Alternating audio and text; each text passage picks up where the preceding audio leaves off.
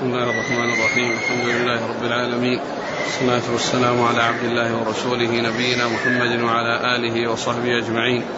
أما بعد فيقول الإمام الحافظ أبو عبد الله بن ماجه القزويني رحمه الله تعالى يقول في سننه باب الخضاب بالحناء قال حدثنا أبو بكر قال حدثنا سفيان بن عيينة عن الزهري أنه سمع أبا سلمة وسليمان بن يسار يخبران عن أبي هريرة رضي الله عنه يبلغ به النبي صلى الله عليه وعلى آله وسلم أنه قال إن اليهود والنصارى لا يصبغون فخالفوهم.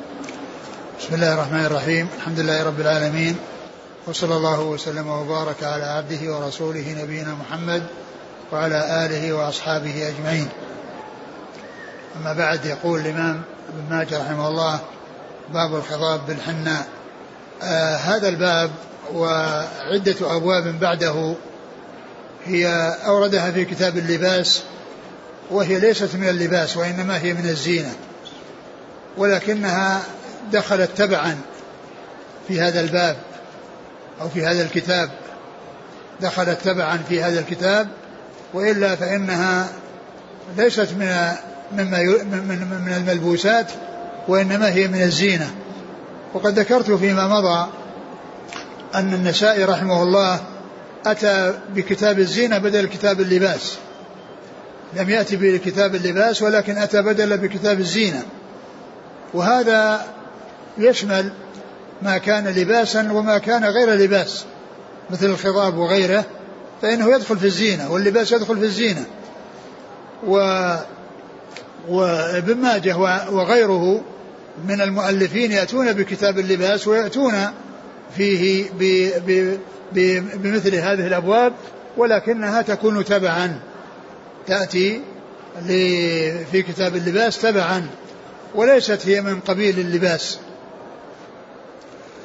ثم ذكر آه، حديث آه، أبي هريرة هو نعم حديث أبي هريرة فقط. حديث أبي هريرة رضي الله تعالى عنه أن النبي صلى الله عليه وسلم قال إن اليهود والنصارى لا يخضبون لا يخضبون لا يصبغون. لا يصبغون فخالفوهم. إن اليهود والنصارى لا يصبغون فخالفوهم. يعني أن آه السنة جاءت بمشروعية الخضاب وأن في ذلك مخالفة لليهود والنصارى فهذه سنة الرسول صلوات الله وسلامه وبركاته عليه. و الأمر في المخالفة لليهود والنصارى في كونهم لا يصبغون. وهذا حكم ثابت مستقر سواء صبغوا فيما بعد أو لم يصبغوا لأن الأمر لا يتابعون إذا صبغوا آه، إذا صبغوا نترك وإذا أتركوا نصبغ وإنما هذا شيء ثابت. أحكام جاءت بشريعة ثابتة سواء وافقنا فيها اليهود والنصارى فيما بعد أو لم يوافقونا هذا حكم مستقر وثابت في الإسلام. وهذا مثل الحديث الأخرى التي فيها مخالفة اليهود والنصارى في أمور متعددة فإن المقصود من ذلك أن هذا حكم ثابت واليهود والنصارى بخلافه لكن لو أنهم فعلوا مثل ما فعلنا فإن نبقى على ما كنا على ما فعلنا. وليس المقصود أننا ننظر إليهم فإن صبغوا آه، تركنا وإن تركوا صبغنا وإنما السنة في حقنا أننا نصبر. نعم. قال حدثنا أبو بكر أبو بكر بن أبي شيبة ثقة أخرج أصحاب الكتب إلا الترمذي. عن سفيان بن عيينة المكي ثقة أخرج أصحاب الكتب. عن الزهري وهو محمد بن مسلم بن عبد الله بن شهاب الزهري ثقة أخرج أصحاب الكتب. عن أبي سلمة أبو سلمة بن عبد الرحمن بن عوف ثقة أخرج أصحاب الكتب. وسليمان بن يسار وسليمان بن يسار ثقة أخرجه أصحاب الكتب. وهذان الراويان الذين هم أبو سلمة بن عبد الرحمن وسلمان بن يسار في هذا الحديث هم من فقهاء المدينة السبعة في عصر التابعين سليمان بن يسار باتفاق وأما أبو سلمة بن عبد الرحمن ففي أحد الأقوال الثلاثة في السابع منهم لأن ستة متفق على عدهم في الفقهاء السبعة والسادس والسابع فيه ثلاثة أقوال قيل أبو سلمة بن عبد الرحمن بن عوف. وقيل أبو بكر بن عبد الرحمن بن الحارث بن هشام وقيل سالم بن عبد الله بن عمر بن الخطاب. هؤلاء, هؤلاء الثلاثة مختلف في عدهم في الفقهاء السبعة. منهم من جعل السابع أبو سلمة هذا ومنهم من جعل السابع سالم بن عبد الله ومنهم من جعل السابع أبو بكر بن عبد الرحمن بن الحارث بن هشام. وأما سليمان بن يسار فهو ممن اتفق على عدهم في الفقهاء السبعة. وهؤلاء الفقهاء السبعة هم عبيد الله بن عبد الله بن عتبة بن مسعود وسليمان بن يسار وخارجة بن زيد و وخارجة بن زيد وسعيد بن المسيب وعروة بن الزبير و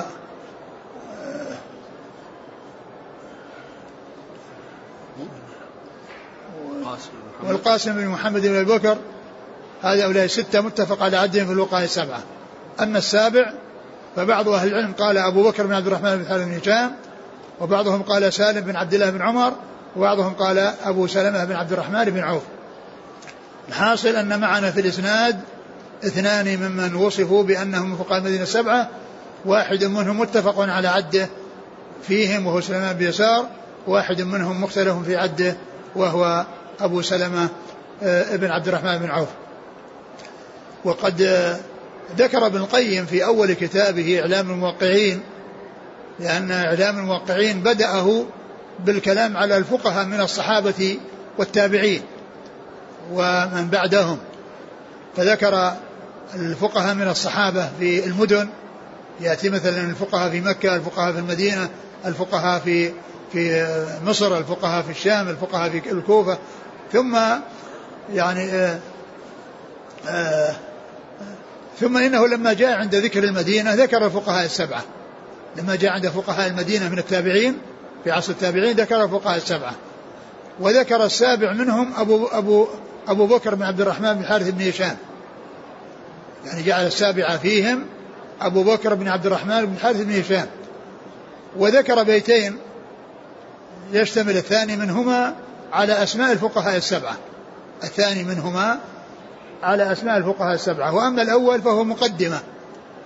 هذان البيتان إذا قيل من في العلم سبعة أبحر روايتهم ليست عن العلم خارجة. فقل هم عبيد الله عروة قاسم سعيد أبو بكر سليمان خارجة. هذا البيت الثاني يشمل الفقهاء السبعة في عصر التابعين على على اعتبار أن السابع فيهم هو أبو سلمة أبو بكر بن عبد الرحمن بن الحارث بن هشام. نعم. عن أبي هريرة. عن أبي هريرة عبد الرحمن بن صخر الدوسي رضي الله عنه وهو أكثر الصحابة حديثا. يبلغ به النبي. يبلغ به النبي صلى الله عليه وسلم هذه آه هذا آه الذي آه فيه أنه مرفوع إلى الرسول عليه الصلاة والسلام وأنه رفعه إلى النبي صلى الله عليه وسلم. ولعل الإتيان بهذه العبارة لكونه غير متحقق من الصيغة. يعني الراوي الذي قبل أبي هريرة أو تحت أبي هريرة لم يكن متحققا من الصيغة التي قالها أبو هريرة. هل قال سمعت رسول الله صلى الله عليه وسلم يقول كذا؟ أو قال رسول الله صلى الله عليه وسلم كذا؟ أو عن رسول الله صلى الله عليه وسلم كذا؟ فإن مثل هذه العبارة التي يبلغ به تصلح لهذه كلها. تصلح لسمعت ولقال ولعن. ف فلعل السبب في ذلك أن الذي يروي عن أبي هريرة غير جازم بالصيغة التي قالها أبو هريرة في أخذه الحديث أو تلقيه الحديث عن رسول الله صلى الله عليه وسلم. وهذا من جنس عبارات يبلغ به النبي آه، ينميه آه، يعني رواية أو يرويه. نعم. قال حد قال حدثنا أبو بكر قال حدثنا عبد الله بن إدريس عن الأجلح عن عبد الله بن بريدة عن أبي الأسود الديلي عن أبي ذر رضي الله عنه أنه قال قال رسول الله صلى الله عليه وعلى آله وسلم إن أحسن ما غيرتم به الشيب الحناء والكتم. ثم ذكر هذا الحديث عن أبي ذر الغفاري رضي الله عنه أن النبي صلى الله عليه وسلم قال إن أحسن ما غيرتم به الشيب هذا الشيب الحنة والكتم. الحنة والكتم. فيعني إذا أتي بالحنة وحده فإنه آه، يعني يكون آه، يكون يحصل المقصود. وإذا ضم إليه الكتم فإنه يعني يتغير لونه عن الحمرة الجديدة إلى أن يكون خفيفا. وكذلك إذا أتي به وحده ولم يكن يعني شكله أسود يعني خالصا فإنه آه، يغير به. المهم ألا يكون آه، أسود بينا أن يكون أسود بين السواد. أما إذا كان يعني يختلف إلى كونه آه، أحمر مثل الحنة أو كونه أشقر في شقرة يعني ليس يعني بين يعني بين السواد وبين الحمرة فإن ذلك يحصل به المقصود المهم ألا يكون التغيير بالسواد وأن يكون أسود التغيير يكون بشيء أسود فإذا كان بالحنة والكتم ولم يكن آه، إذا كان الكتم يعني أسود يعني آه، شديدا فإن المقصود يحصل به والمقصود أنه لا يغير بالسواد فإذا غير بغيره بكونه يكون أحمر كالحنة أو فيه شقرة يعني كالكتم فإن هذا هو الذي أرشد إليه الرسول عليه الصلاة والسلام في هذا الحديث إن أحسن ما غيرتم به هذا الشيب الحنة والكتم. قال حدثنا أبو بكر عن عبد الله بن إدريس. عبد الله بن, بن إدريس الأودي ثقة أخرج أصحاب الكتب. عن الأجلح. وهو صدوق. صدوق البخاري المفرد وأصحاب السنن. نعم. عن عبد الله بن بريدة. وهو ثقة أخرج أصحاب الكتب. عن أبي الأسود الديلي. وهو ثقة أخرج له. أصحاب الكتب. نعم. عن أبي ذر. عن أبي ذر الغفاري وهو جندب بن جنادة رضي الله عنه أخرج حديثه أصحاب الكتب الستة. قال حدثنا أبو بكر قال حدثنا يونس بن محمد قال حدثنا سلام بن أبي مطيع عن عثمان بن موهب قال دخلت على أم سلمة رضي الله عنها قال فأخرجت إلي شعرا من شعر رسول الله صلى الله عليه وعلى آله وسلم مخضوبا بالحناء والكتم. ثم ذكر هذا الحديث عن أم سلمة وان وأنها أخرجت لهذا الذي دخل عليها من هو؟ عبد الله عثمان بن موهب عثمان بن موهب أخرجت له آه، شعرات من شعرات الرسول صلى الله عليه وسلم مخضوبة بالحنة والكتم مخضوبة بالحنة والكتم يعني أن الرسول عليه الصلاة والسلام قد خضب يعني في هذا الحديث فهنا أرشد يعني في الحديث الذي قبله من قوله وهذا إنما هو من فعله نعم. قال حدثنا أبو بكر عن يونس بن محمد ومعلوم أن الصحابة رضي الله عنهم وأرضاهم يتبركون بما بما مسه جسد الرسول صلى الله عليه وسلم سواء كان متصلا ويعني انفصل وسقط يعني كشعر يعني أو أنه آه، آه، مثل فضل وضوءه أو مثل بصاقه عليه الصلاة والسلام وعرقه كل ما وكذلك ثيابه التي مست جسده كانوا يتبركون بذلك. والأحاديث متواترة في هذا عن الصحابة أنهم يتبركون بما مسه جسده صلى الله عليه وسلم. بما لامسه جسده الشريف صلى الله عليه وسلم كانوا يتبركون بذلك. وهذا من خصائصه. لا يجوز أن يفعل مع أحد سواه. فلا يتبرك بأحد بعده بفضل وضوئه أو بشيء مسه جسده لأن الصحابة ما فعلوا هذا مع خير الناس. بعده أبو بكر وعمر وعثمان وعلي وهم خير هذه الأمة وإنما هذا من خصائصه صلى الله عليه وسلم نعم.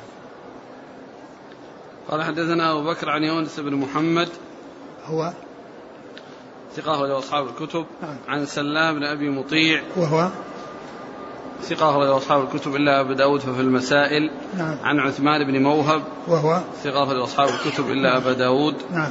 عن أم سلمة أم سلمة هند بنت أبي أمية رضي الله عنها أم المؤمنين أخرج حديثها أصحاب الكتب الستة. يقول هل يجوز للرجل أن يستعمل الحناء في قدميه ويديه؟ لا يستعمله وإن إذا كان علاج إذا كان علاج يعني يستعمله للعلاج لا بأس به.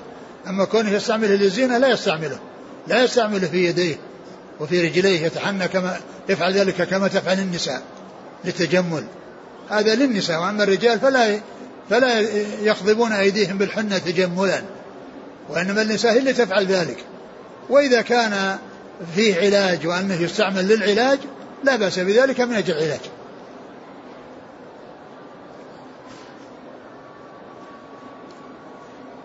يقول إذا كان الشيب بالرأس فهل يجوز صبغه بالحناء؟ يجوز. يجوز لا بأس بذلك. من كان شعره أسود فهل له أن يغير لونه بالحناء؟ لا. لماذا يغير؟ الناس يبحثون عن السواد. يبحثون عن عن, عن الشعر الأسود ما يبحثون عن التخلص منه. فليس له أن أن يغيره. ليس له أن يغيره. والتغيير باللون الأشقر الذي تفعله النساء هذا فيه تشبه. هذا فيه تشبه بشكل الكفار من الأوروبيين وغيرهم لأن شعورهم خلقة هكذا. خلقة يعني فيها هذه الشقرة. فكون الإنسان يفعل هذا الفعل أو المرأة تفعل هذا الفعل وتترك الشيء الذي أعطاها الله من الجمال وتذهب وتعمل شيئا يعني آه، هو أشكال الكفار ليس للنساء أن تفعل ذلك. وكذلك الرجال من باب أولى. هل يقال إن الخضاب بالحناء واجب لأنه مخالفة لليهود والنصارى؟ المخالفة يعني جاءت في نصوص فيها ما هو واجب وفيها ما هو غير واجب. يعني الصلاة بالنعال في مخالفة لليهود والنصارى لكن ليس بواجب. وكذا واللحية يعني في مخالفة لليهود والنصارى وهو واجب. فلا يقال إن كل شيء فيه مخالفة لليهود والنصارى يعني يكون واجبا. بل منه ما هو واجب ومنه ما هو غير واجب. وأما هذا في بعض أهل العلم من قال إنه بوجوبه وأن الرسول صلى الله عليه وسلم أمر بتغيير بتغييره.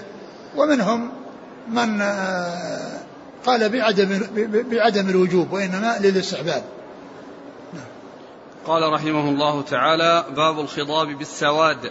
قال حدثنا أبو بكر بن أبي شيبة قال حدثنا إسماعيل بن علية عن ليث عن أبي الزبير عن جابر رضي الله عنه أنه قال جيء بأبي قحافة رضي الله عنه يوم الفتح إلى النبي صلى الله عليه وعلى آله وسلم وكأن رأسه ثغامة.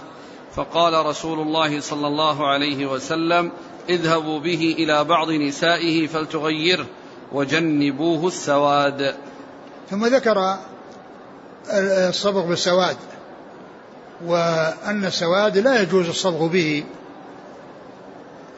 لأن السواد يعني الصبغ به لا يسلم قد يكون فيه تدليس بأن يكون الشخص كبيرا وقد شاب و فإذا غير في السواد يظن أنه لم يشب ما حصل له الشيب ولم يصل إلى حد الشيء فيكون فيه تدليس. فجاءت السنة بأنه يغير بغير السواد يغير الشيب بغير السواد لأن النبي صلى الله عليه وسلم قال يعني في هذا الحديث آه، آه، جنبوه السواد يعني غيروا هذا الشيب وجنبوه السواد. يعني فدل هذا على أن السنة هي التغيير ولكنه لا يجوز أن يكون بالسواد ولكنه لا يجوز أن يكون بالسواد لأن السواد كما ذكرت فيه تدليس وتلبيس وإيهام وغرر. وقد آه، يظن بالشخص أنه شاب وهو ليس وهو, ليس كذلك. فأورد حديث أبي أبي أبي قحافة رضي الله حديث آه، صحابي؟ حديث آه، جابر. حديث جابر بن عبد الله في قصة أبي أبي قحافة والد الرسول صلى الله عليه وسلم. فإن والد الرسول مشهور بكنية أبو قحافة وهو اسمه عثمان وأبو بكر رضي الله عنه مشهور بكنية أبو بكر واسمه عبد الله وهو عبد الله بن عثمان. أبو بكر هو عبد الله بن عثمان. هو مشهور بكنيته وأبوه مشهور بكنيته ولهذا قال أبو بكر بن أبي قحافة. أبو بكر ابن أبي قحافة مشهور بكنيته وأبوه مشهور بكنيته. فالرسول عليه الصلاة والسلام لما جيء به ورأسه كالثغامة يعني نبت أبيض شديد البياض يعني تشبيه له بشدة البياض قال رأسه فقال غيروا اذهبوا به إلى بعض نسائه فلتغيره. اذهبوا به إلى بعض نسائه فلتغيره وجنبوه السواد. وجنبوه السواد. وهذا فيه دليل على أن الرأس يغير لأنه قال هنا رأسه وهنا فيه إرشاد إلى تغيير الرأس. فالرأس واللحية كل منهما يغير يعني بالأبيض إذا كان أبيض يغير بغير السواد. قال وجنبوه السواد هذا يدل على جواز التغيير بكل لون إلا ما كان أسود يعني خالصا يعني يوهم صاحبه بأنه شاب وأنه لم يصل إلى حد المشيب. قال حدثنا أبو بكر بن أبي شيبة عن إسماعيل بن علية إسماعيل بن إبراهيم بن مقسم الأسدي ثقة أخرج أصحاب الكتب وهو مشهور بابن علية وهي اسم أمه. أنا. عن ليث. ليث بن أبي سليم وهو صدوق اختلط. جدا فترك حديثه أخرج البخاري تعليقا ومسلم وأصحاب السنن. نعم. عن أبي الزبير. ومحمد بن مسلم بن تدرس صدوق أخرجه أصحاب السنن.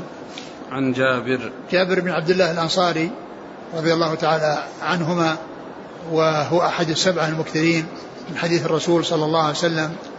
نعم. أبو الزبير. نعم. أبو الزبير. أبو الزبير محمد بن مسلم بن تدرس صدوق أخرج أصحاب الكتب. قال حدثنا أبو هريرة الصيرفي محمد بن فراس. قال حدثنا عمر بن الخطاب بن زكريا الراسبي قال حدثنا دفاع بن دغفل السدوسي عن عبد الحميد بن صيفي عن أبيه عن جده صهيب الخير رضي الله عنه أنه قال قال رسول الله صلى الله عليه وعلى آله وسلم إن أحسن ما اختضبتم به لهذا السواد. إن أحسن ما اختضبتم به لهذا السواد. أرغب لنسائكم فيكم وأهيب لكم في صدور عدوكم. ثم ذكر هذا الحديث عن سلمان. عن صهيب. عن عن صهيب صهيب بن سنان صهيب الخير رضي الله عنه أن النبي صلى الله عليه وسلم قال إن خير ما اختضبتم به لهذا السواد. إن خير ما اختضبتم به لهذا السواد. أرغب لنسائكم فيكم. أرغب لنسائكم فيكم وأرهب وأهيب لكم في صدور عدوكم. وأهيب لكم في صدور عدوكم. لأن هذا يخالف أو عكس الحديث السابق. لأن السابق يقول جنبوه السواد وهو حديث صحيح وهذا يرغب في السواد وهو حديث ضعيف. لا تقوم به حجة به عدد من الضعفاء. في إسناده عدد من الضعفاء فهو لا تقوم به حجة وإنما الحجة في الحديث الأول الذي فيه آه، آه، آه، المنع من التغيير بالسواد. قال حدثنا أبو هريرة الصيرفي محمد بن فراس. هو صدوق الترمذي وابن ماجه. نعم. عن عمر بن الخطاب بن زكريا الراسبي. وهو مقبول أخرج له. ابن ماجه.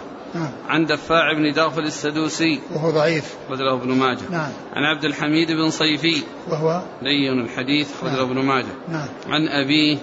وهو؟ صدوق أخرج له ابن ماجه. نعم. عن جده صهيب الخير. رضي الله عنه أخرج أصحاب الكتب. في ثلاثة يعني ضعفاء.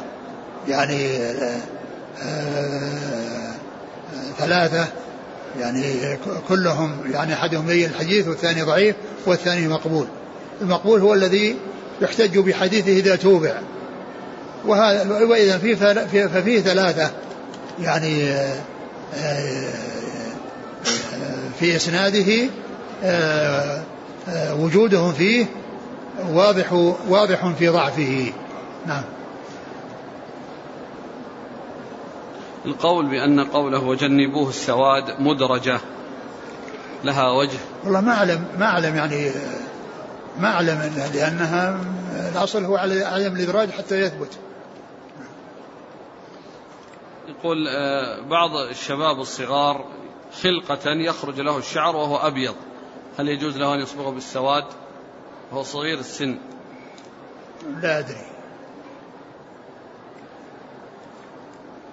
نقل الحافظ والشوكاني وغيرهما أن بعض الصحابة مثل عثمان والحسن والحسين كانوا يخضبون بالسواد فما الجواب؟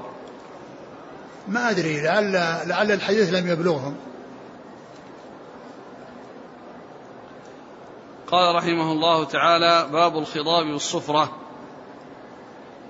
قال حدثنا أبو بكر بن أبي شيبة قال حدثنا أبو أسامة عن عبيد الله بن عمر عن سعيد بن أبي سعيد أن عبيد بن جريج سأل ابن عمر رضي الله عنهما قال رأيتك تصفر لحيتك بالورس فقال ابن عمر أما تصفيري لحيتي فإني رأيت رسول الله صلى الله عليه وعلى آله وسلم يصفر لحيته ثم ذكر باب الخطاب بالصفرة. والخطاب بالصفرة داخل تحت قوله وجنبوه السواد لأنه قال أمر بتغيير الشيب ونهى عن استعمال السواد. إذا غير ذلك سائغ لأن نفس الحديث في قوله وجنبوه السواد يعني المنع من السواد فقط. وأما غير ذلك فإنه سائغ. وهنا ذكر الصفرة وأورد هذا الحديث عن ابن عمر أنه كان يصفر الحيث بالورس فقيل له في ذلك قال إنه رأى النبي صلى الله عليه وسلم يفعل ذلك. إنه رأى النبي صلى الله عليه وسلم يفعل ذلك. فإذا يعني آه، التغيير يعني بالصفرة والحمرة والكدرة التي يعني الشقرة التي يعني آه، التي بين الحمرة والسواد كل ذلك سائر. نعم. قال حدثنا أبو بكر بن أبي شيبة عن أبي أسامة. حماد بن أسامة ثقة أخرج أصحاب الكتب. عن عبيد الله بن عمر.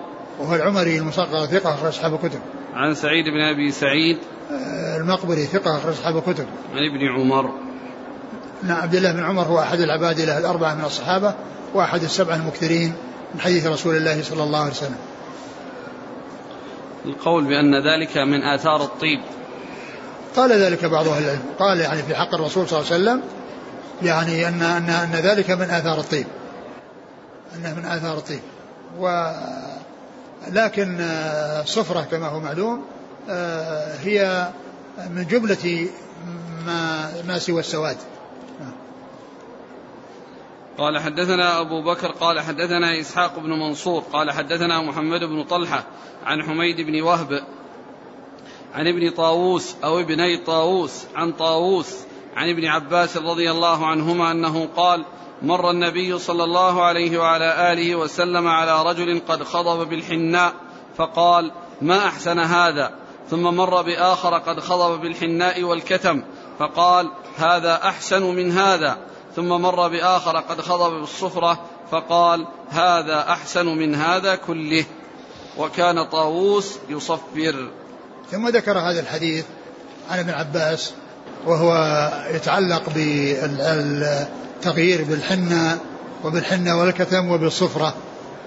وفيه ترتيب يعني هذه الأمور الثلاثة وأن الحنة والكتم يعني أولا ثم ثم بعد ذلك آه، أول الحنة والكتم. أول مرة على نعم أولا بالحنة ثم الحنة والكتم ثم الصفرة. لكن الحديث آه، غير صحيح لأن في إسناده آه، في إسناده ضعف. فلا فلا يصح. وتغيير بها كلها سائر لأنها كلها خارجة عن السواد. لكن كون هذا أحسن من هذا وهذا أحسن من هذا الذي جاء في الحديث الحديث غير صحيح.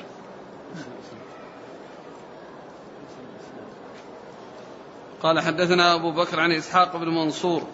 إسحاق بن منصور السلولي هو صدوق لأصحاب الكتب. نعم. عن محمد بن وفيه إسحاق بن منصور الكوسج إسحاق بن منصور الكوسج يعني كل منهما إسحاق بن منصور. إلا أن إسحاق بن منصور في طبقة أصحاب الكتب شيوخ أصحاب الكتب فهو له كلهم إلا أبا داود. وأما إسحاق بن منصور فهو طبقة شيوخ شيوخهم. فإذا جاء إسحاق بن منصور في أول الإسناد فالمراد به الكوسج. وإذا يعني في الكتب الستة. وإذا جاء بعد أول الإسناد فالمراد به السلولي كما هنا يعني جاء في الطبقة الثانية الطبقة الأعلى من شيوخه. فيعني هذان متفقان في الاسم واسم الأب وهذا اللي يسمونه في المصطلح المتفق والمفترق. المتفق والمفترق أن أن تتفق أسماء الرواة وأسماء آبائهم وتختلف أشخاصهم. الاسم والسلام واحد ولكن هذا شخص وهذا شخص. هذا يسمونه المتفق والمفترق. يعني اتفق في في اللفظ واختلف في المعنى. اتفق في اللفظ إن هذا إسحاق منصور وهذا إسحاق منصور واختلف في المعنى بأن هذا شخص وهذا شخص. وهنا إسحاق المنصور السلولي إذا جاء في الطبقة الثانية في طبقة الشيوخ شيوخ أصحاب الكتب الستة فالمراد به السلولي وهو صدوق أخرج أصحاب الكتب. عن محمد بن طلحة هو صدوق له أوهام أخرج له أصحاب الكتب إلا النسائي ففي مسند علي. نعم. عن حميد بن وهب وهو؟ لين الحديث أخرج أبو داود بن ماجه. نعم. عن ابن طاووس أو ابني طاووس. آه عبد الله بن طاووس هو الذي كثير الرواية عن أبيه وهو ثقة أخرج أصحاب الكتب. عن طاووس. طاووس بن كيسان ثقة أخرج أصحاب الكتب. عن ابن عباس. وفيه آه هذا حميد بن وهب. حميد بن وهب هذا لين الحديث هو الذي ضعف به الحديث. قال رحمه الله تعالى باب من ترك الخضاب. قال حدثنا محمد بن المثنى قال حدثنا أبو داود قال حدثنا زهير عن أبي إسحاق عن أبي جحيفة رضي الله عنه أنه قال رأيت رسول الله صلى الله عليه وعلى آله وسلم هذه منه بيضاء يعني عنفقته ثم ذكر ترك الخضاب. ترك الخضاب. نعم. ترك الخضاب يعني أن الإنسان يترك الشعر يعني أبيض لا يغيره بشيء. وأورد في هذه الأحاديث. أورد في هذا الحديث. أورد هذا الحديث عن عن عن أبي جحيفة عن أبي جحيفة وهب بن عبد الله السوائي رضي الله عنه. قال رأيت النبي صلى الله عليه وسلم وإن لحيته يعني بيضاء يشير إلى العنفقة والعنفقة هي الشعر الذي تحت الشفة السفلى.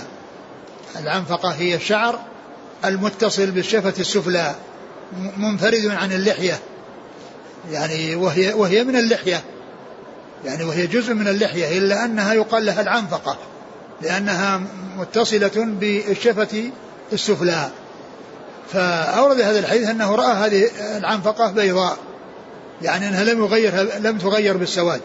لم تغير بالخضاب و وقد مر في الأحاديث أن الرسول صلى الله عليه وسلم خضب فبعض أهل العلم جمع بينها بأنه كان يخضب أحيانا وأحيانا يذهب الخضاب فيأتي البياض يذهب الخضاب فيأتي البياض. فيكون هذا محمول على حال وهذا محمول على حال. يعني أنه كان يخضب وأنه يعني يذهب الخضاب أو أنه كان قبل أن يخضب.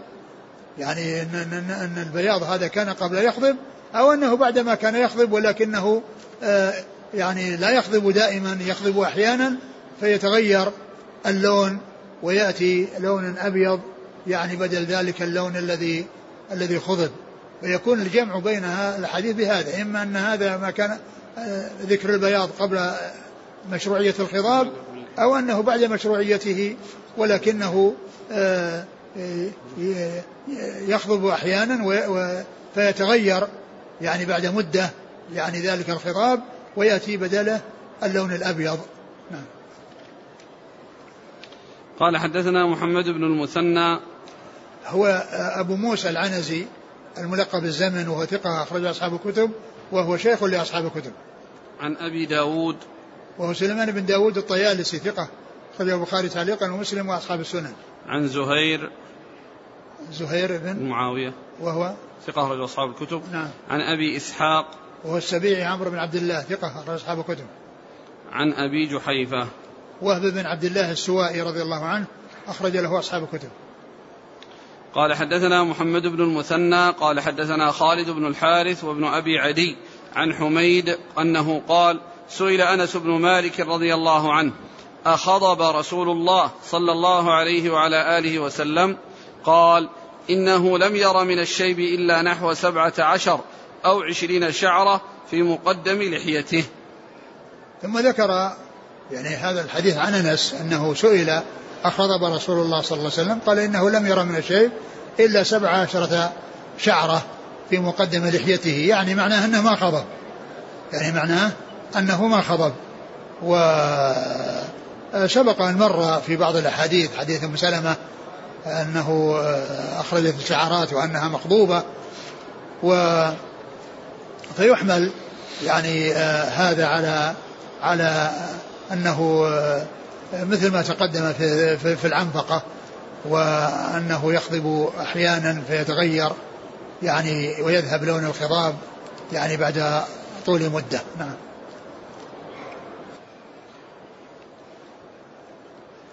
قال حدثنا محمد بن المثنى عن خالد وهذا بن أيضا يدل على عناية الصحابة رضي الله عنهم ب يعني بسنة الرسول صلى الله عليه وسلم وبما جاء يعني وبوصف حاله عليه وصف خلقته صلى الله عليه وسلم. لأن وصف خلقته صلى الله عليه وسلم يعتبر من الحديث. وإن لم يكن قولا ولا فعلا ولا تقريرا. يعني وصف الهيئة والخلقة هو من الحديث. ولهذا يعرف العلماء آه، حديث الرسول صلى الله عليه وسلم بقولهم هو ما أضيف إلى النبي صلى الله عليه وسلم من قول أو فعل أو تقرير أو وصف خلقي أو خلقي أو وصف خلقي أو خلقي يعني هذا يعتبر حديث. يعني فإذا ما أضيف إلى النبي من قول يعني قاله ومن فعل فعله ومن إقرار أقره هذه طرق آه، معرفة السنة الثلاثة القول والفعل والتقرير. وهذه الأمور الثلاثة كلها مجتمعة في إعفاء اللحى فإنها جاءت من قوله وفعله وإقراره. فإنها جاءت من قوله وفعله وإقراره فإنه جاء من قوله لا أمر بإعفاء اللحى بألفاظ متعدية أوفوها أرخوها وفروها أعفوها. وجاء من فعله وأنه كان كثيف اللحية عليه الصلاة والسلام كان كث اللحية عليه الصلاة والسلام وقد جاء في وصف صلاته صلى الله عليه وسلم في الصلاة السرية أنهم كانوا يعرفون قراءته من اضطراب لحيته. يعني يعني هم وراءه يعني يرون يعني لحيته تتحرك بسبب القراءة. فكانوا يستدلون على قراءته في الصلاة السرية باضطراب لحيته صلى الله عليه وسلم. فكان صاحب لحية. وكان كث اللحية فجاءت من من قوله ومن فعله ومن تقريره.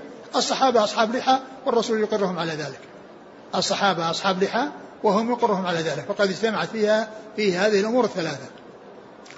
وقد قال شيخنا الشيخ محمد أمين شنقيط رحمة الله عليه يعني في في أضواء البيان في تفسير سورة طه عند قصة إبراهيم موسى وهارون. ابن أم لا تأخذ بلحيتي ولا برأسي.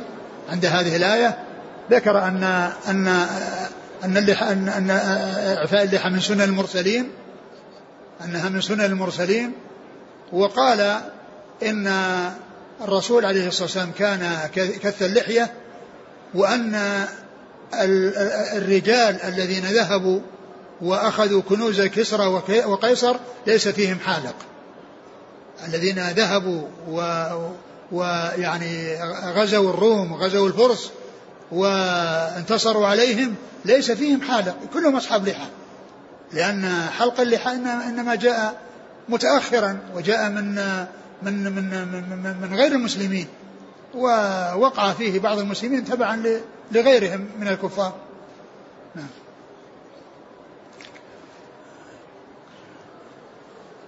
فعناية الصحابة رضي الله عنهم لأن أنس يعني يقول سبع عشر سبع عشر آه، شعرة. يعني عدوها.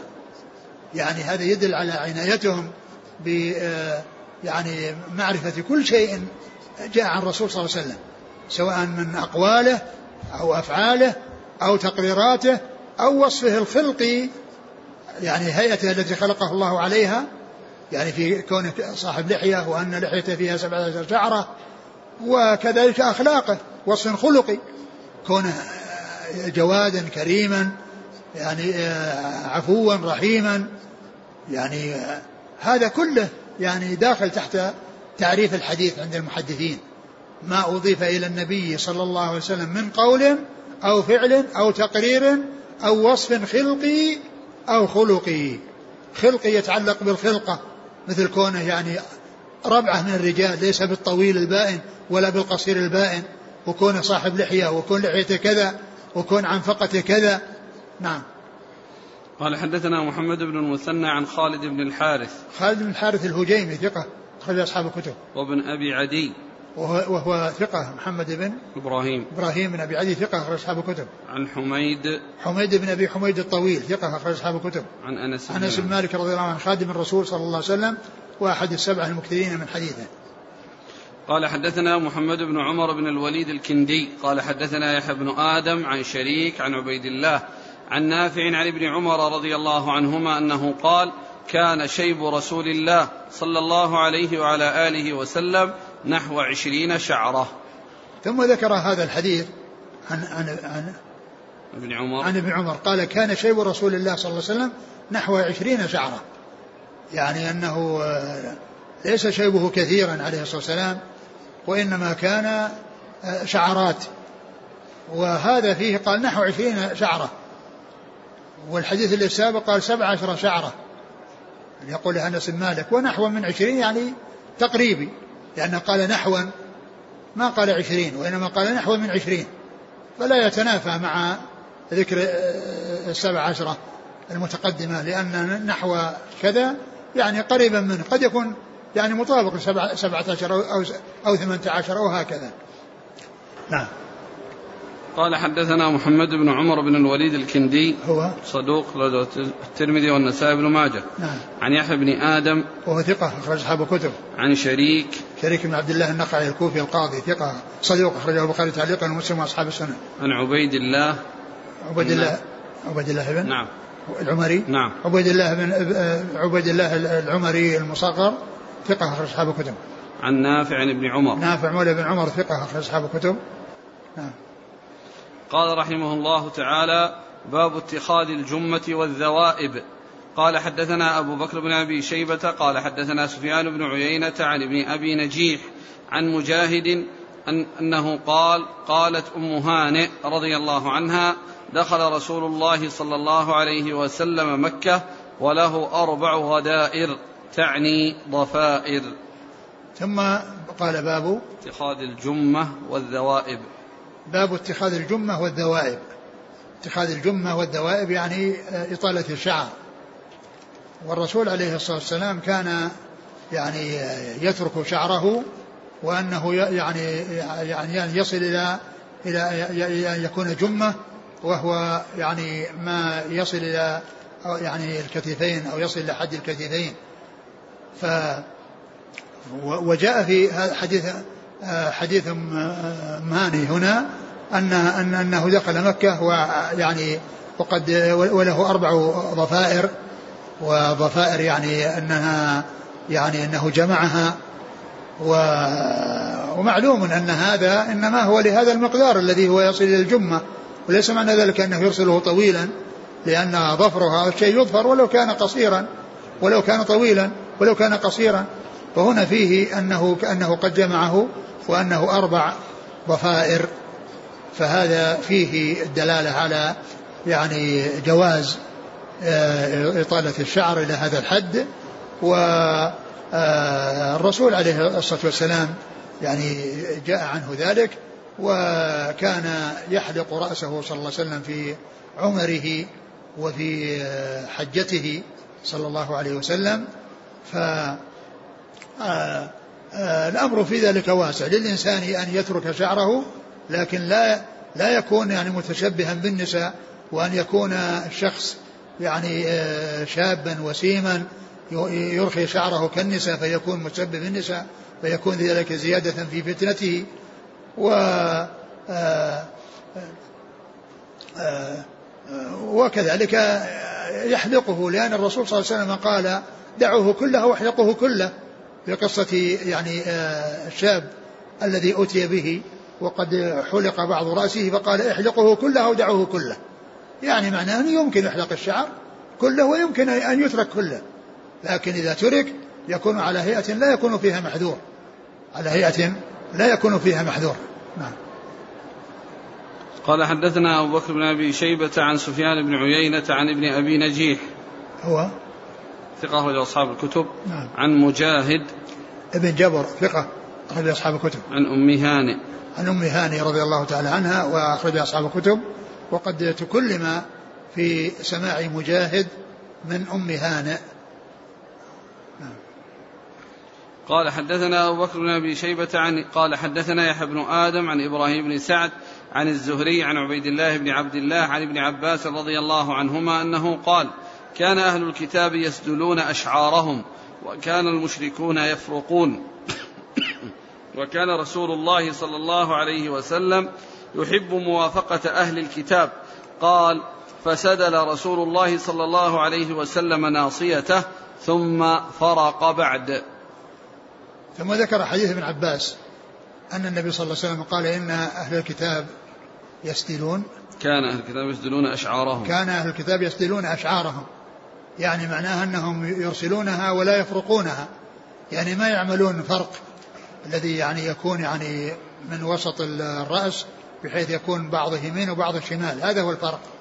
والسدل هو تركه على هيئته دون أن يميز بعضه عن بعض فيفرق. فكان أهل الكتاب يسدلون والمشركين كانوا كانوا يفرقون. ف وكان النبي يحب موافقة أهل الكتاب. يعني الشيء الذي فيه موافقة الكتاب الذي آه، يعني آه، يفعل شيء يفعل المشركون وشيء يفعل أهل الكتاب كان يحب موافقة الكتاب فيما لم يزع عليه في شيء. فكان يسدل, يسدل ثم إنه فرق فيما بعد. ثم إنه فرق يعني فيما بعد. ف يعني دل هذا على أن السدل أنه سائغ وأن الفرق سائغ وأنها الفرق هو آخر آه، آه، الأمرين منه, منه صلى الله عليه وسلم. نعم. قال حدثنا أبو بكر بن أبي شيبة عن يحيى بن آدم. ثقة أخرج أصحاب الكتب عن إبراهيم بن سعد. وهو ثقة. من أصحاب الكتب. نعم. عن الزهري عن عبيد الله بن عبد الله. وهو آه، ثقة الهذلي مسعود الهذلي ثقة أخرج أصحاب الكتب وهو أحد فقهاء المدينة السبعة نعم. عن ابن عباس. نعم. قال حدثنا أبو بكر بن أبي شيبة قال حدثنا إسحاق بن منصور عن إبراهيم بن سعد عن ابن, عن ابن إسحاق عن يحيى بن عباد عن أبيه عن عائشة رضي الله عنها أنها قالت كنت أفرق كنت أفرق خلف يافوخ رسول الله صلى الله عليه وسلم ثم أسدل ثم أسدل ناصيته.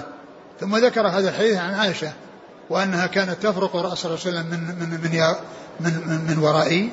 خلف يافوخ رسول الله. خلف يافوخ. اليافوخ هو وسط الرأس. وهو الذي يكون من الصبي يعني يكون رقيقا.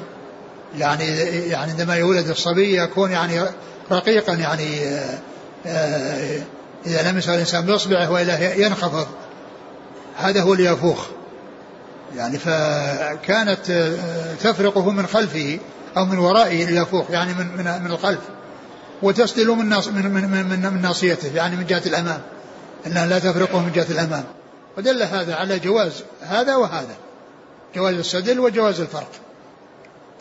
قال حدثنا أبو بكر بن أبي شيبة عن إسحاق بن منصور عن إبراهيم بن سعد عن ابن إسحاق.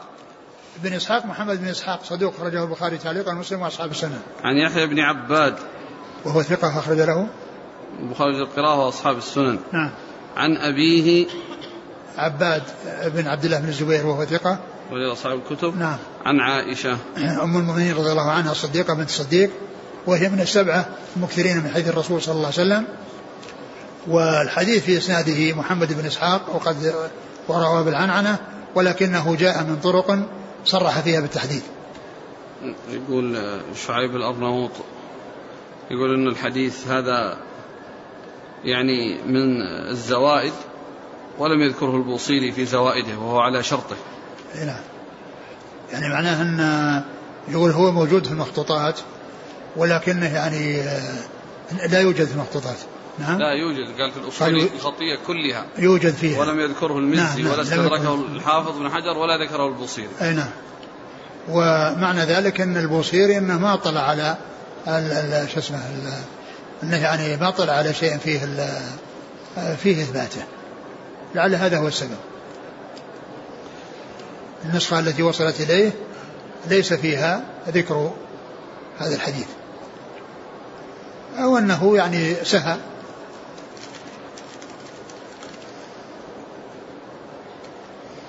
أنا كنت جزاكم الله خير تذكرون أحيانا آه، الزوائد التي فاتت. إيه. هذا جيد مبحث جيد جمع الزوائد هذه إيه؟ التي فاتت الوصيل والله هي قليلة جدا يعني أذكر أنها في غاية الندرة والقلة. نعم. قال حدثنا أبو بكر بن أبي شيبة قال حدثنا يزيد بن هارون قال أنبانا جرير بن حازم عن قتادة عن أنس رضي الله عنه أنه قال كان شعر رسول الله صلى الله عليه وسلم شعر رجلا. بين أذنيه ومنكبيه. ثم ذكر حديث أنس في شعر الرسول صلى الله عليه وسلم في كيفيته وطوله وأنه قال كان رجلا. رجلا يعني بين الجعودة. بين كونه سبطا وكونه جعدا لأن السبط هو المسترسل. يعني مسترسل يعني مستقيم. والجعد هو الذي ينكمش. فهو بين هذا وهذا ليس سبطا ولا جعدا وإنما هو رجلا. الرجل هو بين الجعودة وكونه سبطا. بين كونه جعدا وكونه سبطا. يعني آه، آه، رجلا كان شعر الرسول صلى الله عليه وسلم كذلك. فليس بالجعد الذي ينكمش ويصعد فوق وليس بالمسترسل الذي هو مستطيل. يعني آه، ليس فيه شيء من الانكماش. وإنما فيه انكماش ولكنه بين هذا وهذا. نعم. قال حدثنا أبو بكر بن أبي شيبة عن يزيد بن هارون كلهم مروا. عن جرير بن أبي عن جرير بن حازم ثقة أخرج أصحاب الكتب. عن قتادة عن أنس. نعم. قال حدثنا عبد الرحمن بن إبراهيم قال حدثنا ابن أبي فديك عن عبد الرحمن بن أبي الزناد عن هشام بن عروة عن أبيه عن عائشة رضي الله عنها أنها قالت كان لرسول الله صلى الله عليه وسلم شعر دون الجمة وفوق الوفرة. ثم ذكر حديث عائشة في شعر الرسول صلى الله عليه وسلم أنه كان له شعر دون الجمة وفوق الوفرة. يعني الوفرة ما يصل إلى يعني كان إيش؟ كان صلى الله عليه وسلم شعر دون الجمة وفوق الوفرة يعني فوق الوفرة يعني أنه أقل منها أنزل منها. لأن الجمة هي الذي يصل إلى الكتفين والوفرة إلى إلى شحمة الأذنين. فيكون يعني فيكون يعني كان شعره يعني دون الجمة. دون الجمة وفوق الوفرة. يعني معناه أنه بينهما. نعم. أنه بينهما. يعني فوقها يعني معناه أنها ليس معنى ذلك أنه فوقه يعني مرتفع. فوق الوفرة أنه إلى فوق وإنما هو بينهما لأن ذكر الجمة يبين أنه متوسط والجمة هي أنزل من الوفرة والجمة أنزل من الوفرة فهو بينهما. وقد جاء في بعض الروايات أن يعني أن أنه يصل أنه, أنه إلى إلى منكبيه الذي هو الجمة.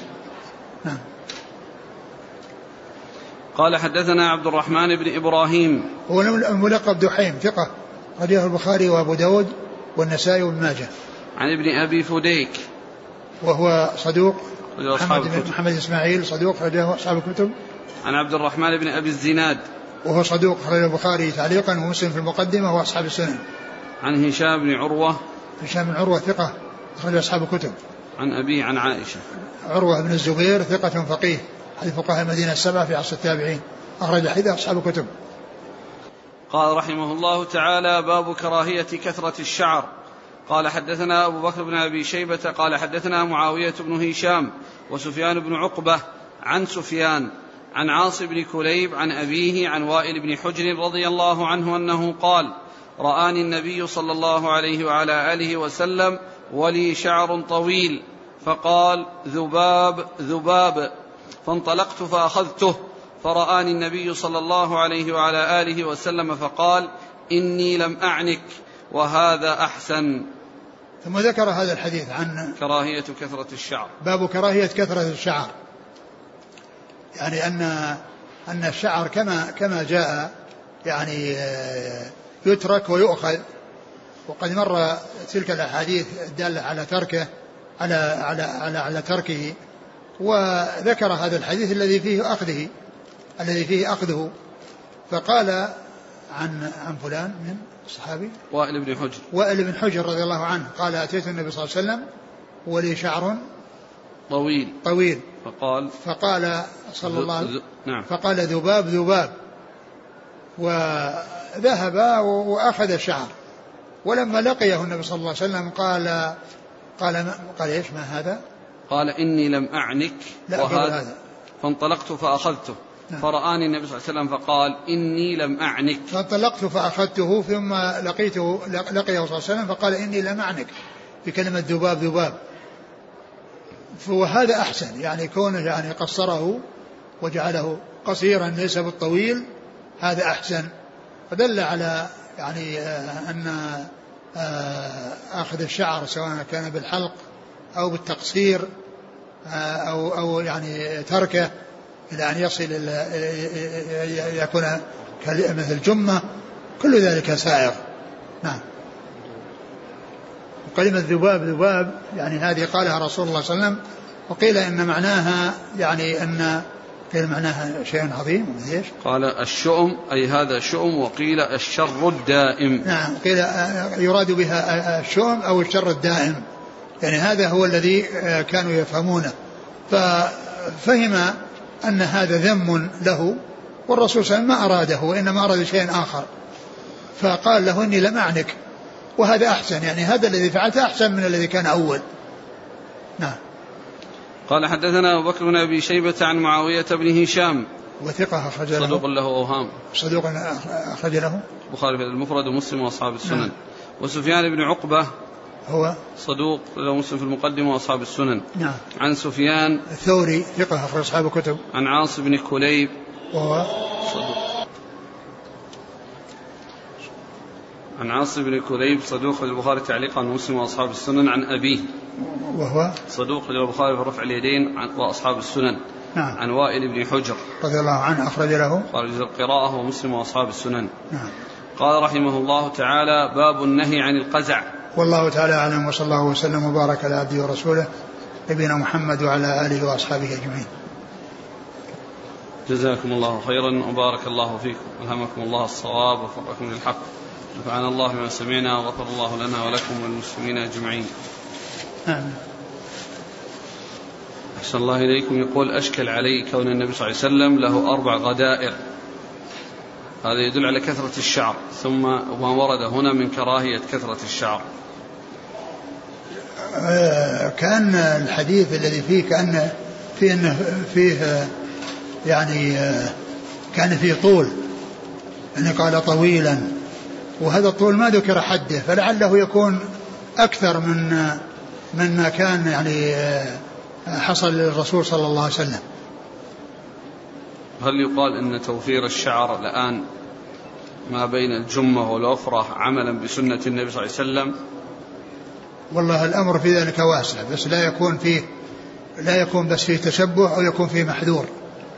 من آه، فعل يعني آه، له ذلك ومن ترك فله ذلك. والرسول صلى الله عليه وسلم جاء عنه يعني هذا وهذا جاء عنه أنه كان يفعل هذا الشيء ويحلق وجاء عن عنه في من قوله صلى الله عليه وسلم في آه أن الشعر يترك أو يحلق. يترك كله أو يحلق كله. يعني لا يحلق بعضه ويترك بعضه وإنما يترك كله أو يحلق كله. فكل منهما سائر. لكن لا يعني لا يكون آه، توفير الشعر من آه، ممن يكون يعني فيه يعني يكون فيه فتنة أو يترتب عليه فتنة أو يتشبه بالنساء أو يكون شبيه بالنساء بحيث يكون كهيئتهن في آه، الوجه وفي الشعر. يسأل عن العنفقة ربما تكون أحيانا طويلة زائدة في الطول فالأخذ منها. والذي يبدو أن العنفقة هي من اللحية فلا يؤخذ شيء من اللحية لا من العنفقة ولا من غير العنفقة. يقول إذا كنت أقرأ القرآن وجاء شخص يسلم علي هل أرد عليه بالإشارة كما في الصلاة؟ لا رد عليه السلام وارجع للقراءة. يقول أنا إمام وخطيب مسجد وأدرس الطلاب في المسجد وآخذ مقابل من الدولة. وبعض الأثرياء يريدون أن أدرس أبنائهم في البيت. فأذهب وأدرس أبناءهم وآخذ مقابل على هذا التدريس. هل هذا المقابل يجوز لي؟ وش السؤال؟ أعد يقول أنا إمام وخطيب مسجد وأدرس الطلاب في المسجد وآخذ على ذلك مقابل مادي من الدولة. بعض الأثرياء يريدون أن أدرس أبنائهم في البيت. فأذهب وأدرس أبنائهم وآخذ مقابل آخر. مبلغ من المال. يعني هذا المقدار الذي يعطاه يعطاه من أجل الإمامة إمامة المسجد أو يعطاه من أجل الطلاب. يعني إذا كان يعطاه من أجل الإمامة وهو درس الطلاب يعني من نفسه يعني أو يعني آه، آه، يعطيه أولياء الطلاب يعني فلا بأس بذلك. لا بأس بذلك. ف آه، كون كونه له وقت معين يدرس به الطلاب يعني ويروح لأناس في أوقات أخرى يدرس أولادهم ما في بأس. إذا كان أنه ما يترتب على تدريس الطلاب الذين نعطي الرواتب من أجلهم يعني